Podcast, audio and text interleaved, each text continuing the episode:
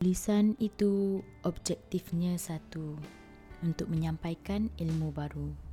Tapi, adakah intonasi bacaan kita senada kala membaca baris yang sama?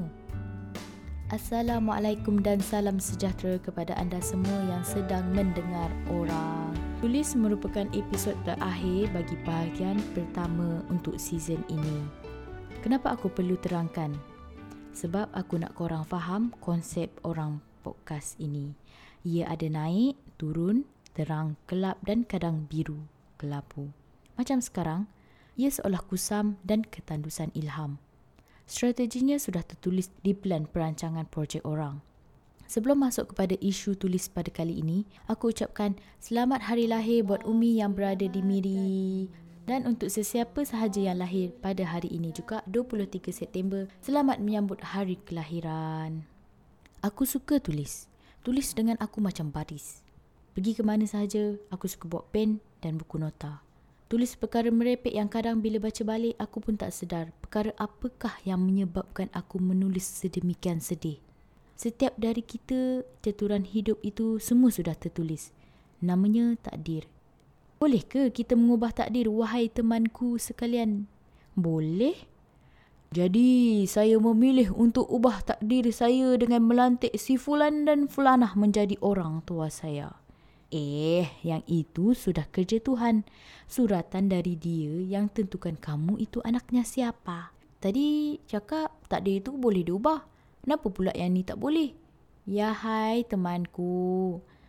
Tulisan takdir itu boleh diubah setelah kita dilahir dan miliki akal waras untuk memikir. Kita perlu merancang penulisan hidup kita tapi harus meletakkan Tuhan sebagai editornya.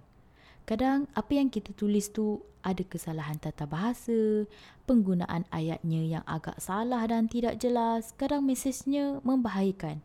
Jadi, bila mana kita dilanda sesuatu perkara yang luar dari jangkaan tulisan perancangan kita tadi, usahlah dimarah dan disalah pada takdir. Kerana boleh jadi apa yang kamu suka itu buruk bagimu dan boleh jadi apa yang kamu benci itu baik bagimu. Sesungguhnya Allah Maha mengetahui sedang kamu tidak. Real life situation berlaku kalau aku sedang merekod episod ni. Sepatutnya aku dah siap pun merekod. Tapi disebabkan aku tak setting mikrofon tu dengan baik, jadi aku terpaksa rekod balik. Dalam hidup, seawal umur 9 tahun aku pernah tulis. By the year of 2020, aku dah punya keluarga sendiri.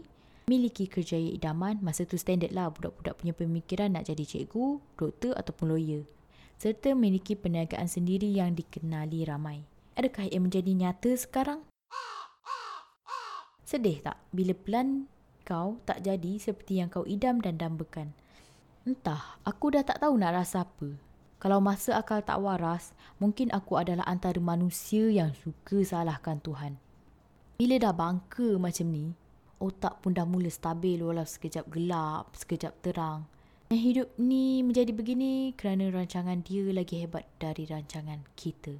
Bila dia renung balik segala catatan, tulisan dan perancangan di masa lalu, aku kadang gelak sendiri.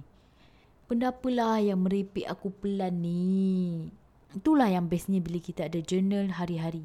Fungsinya kita boleh reflect diri sendiri, jadikan ia sebagai rujukan dan pedoman. Kadang kita yang semakin tua ni, otak dia semakin kecil. Fikiran pun seolah sempit sebab dah terlalu banyak memori yang tidak ditransfer ke suatu platform lain.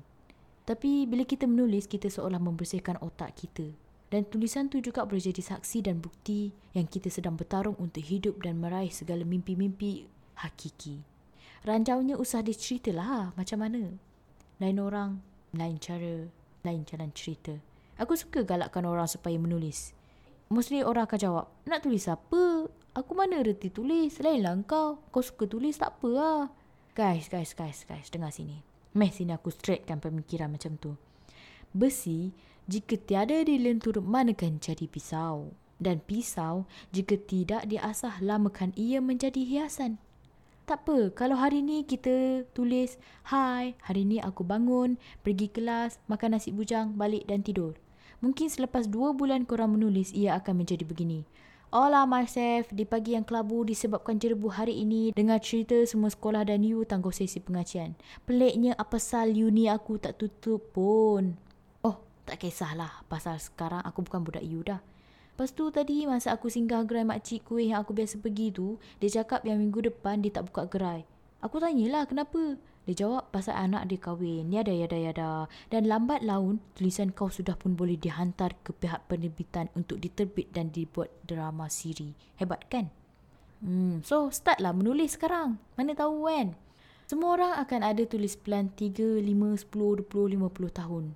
Walau tak dibuktikan atas kertas atau buku dalam otak mesti dah ada plan tu. Nak bagi setiap tulisan jadi kenyataan adalah melalui tindakan. Baru berkesan. Untuk pastikan tindakan kita itu bergerak, kita haruslah tulis ia sebesar-besar alam supaya kita tahu yang objektif kita pada hari tersebut adalah untuk meraih apa yang kita nak. Tapi seberapa ramai dari kita tahu bila tarikh kita kena hantar buku yang kita selalu lupa yang ia akan dituntut. Sebab buku yang kita tulis tadi tu dia tak ada tulis bila kena hantar. Tapi kita tahu ianya akan tamat tempoh. Ya, kita tahu. Bila tu semuanya adalah rahsia Allah.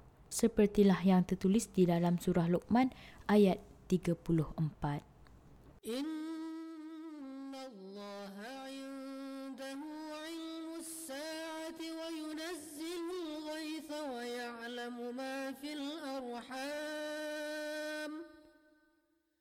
Ma tadri nafsun ماذا تكسب غدا وما تدري نفس بأي أرض تموت. إن الله عليم خبير. Ayat ini bermaksud Sesungguhnya Allah hanya pada sisinya sahajalah pengetahuan tentang hari kiamat dan dialah yang menurunkan hujan dan mengetahui apa yang ada di dalam rahim. Dan tiada seorang pun yang dapat mengetahui dengan pasti apa yang akan diusahakannya besok. Dan tiada seorang pun yang dapat mengetahui di bumi mana dia akan mati. Sesungguhnya Allah Maha mengetahui lagi Maha mengenal. Sadaqallahul azim. Dari ayat ini ada lima perkara yang Allah rahsiakan hari kiamat air hujan bayi dalam kandungan pekerjaan yang kita usahakan pada esok harinya dan bila dan di mana kita akan mati. Rasulullah sallallahu alaihi wasallam bersabda yang bermaksud, janganlah kamu merasa bahawa rezekimu terlambat datangnya. Kerana sesungguhnya tidaklah seorang hamba akan mati hingga telah datang kepadanya rezeki terakhir yang telah ditentukan untuknya maka tempuhlah jalan yang baik dalam mencari rezeki iaitu dengan mengambil yang halal dan meninggalkan yang haram. Hadis riwayat Ibnu Majah. Selain daripada itu Rasulullah sallallahu alaihi wasallam juga bersabda yang maksudnya sesungguhnya Roh Al-Qudus telah datang kepada aku memberitahu bahawa seseorang itu tidak akan mati selagi tidak sempurna rezeki Allah Subhanahu wa taala. Bila dah baca semua perkongsian ilmu macam ni terasa gerun nak minta rezeki dengan Tuhan lebih-lebih. Sebab semua tu Allah dah tulis dan sempurnakan sebaiknya untuk kita. Apabila cukup dan sempurna kadar rezeki yang telah ditetapkan Allah, maka akan dihantar malaikat untuk mencabut nyawa manusia. Malaikat yang ditugaskan untuk mencabut nyawa ialah malaikat maut dan malaikat Israel adalah menteri kepada mereka yang ditugaskan mencabut nyawa. Tulis. Kadang sepanjang buat projek podcast ni, aku tak tahu intipati apa yang aku akan isi sebenarnya. Yang aku ada hanya garapan kasar saja. Tapi bila dah study macam ni, aku sendiri kejut perut. Takut. Takut yang aku sendiri tak bersedia. Jadinya, kalau kalian tak pernah dapat apa yang kalian tulis masa kecil dulu atau zaman itu dulu, yakinlah bahawa segala perkara yang akan berlaku esok hari telah ada di dalam pengetahuan Allah Subhanahu Wa Taala kita perlu berusaha berdoa dan bertawakal kepada Allah Subhanahu Wa Taala supaya kita termasuk di kalangan insan yang dirahmatinya. Amin. Yang jenis diserap, yang keruh dibuang, yang baik itu datangnya dari Tuhan dan yang serba-serbi kurang itu datangnya dari hamba yang doif ini. Anda sedang mendengar orang hashtag The Uprising of Nonsense bersama Sophie Adi. To the end, moga husnul khatimah Adios amigos sejen ilaliko wa ma'asalamah.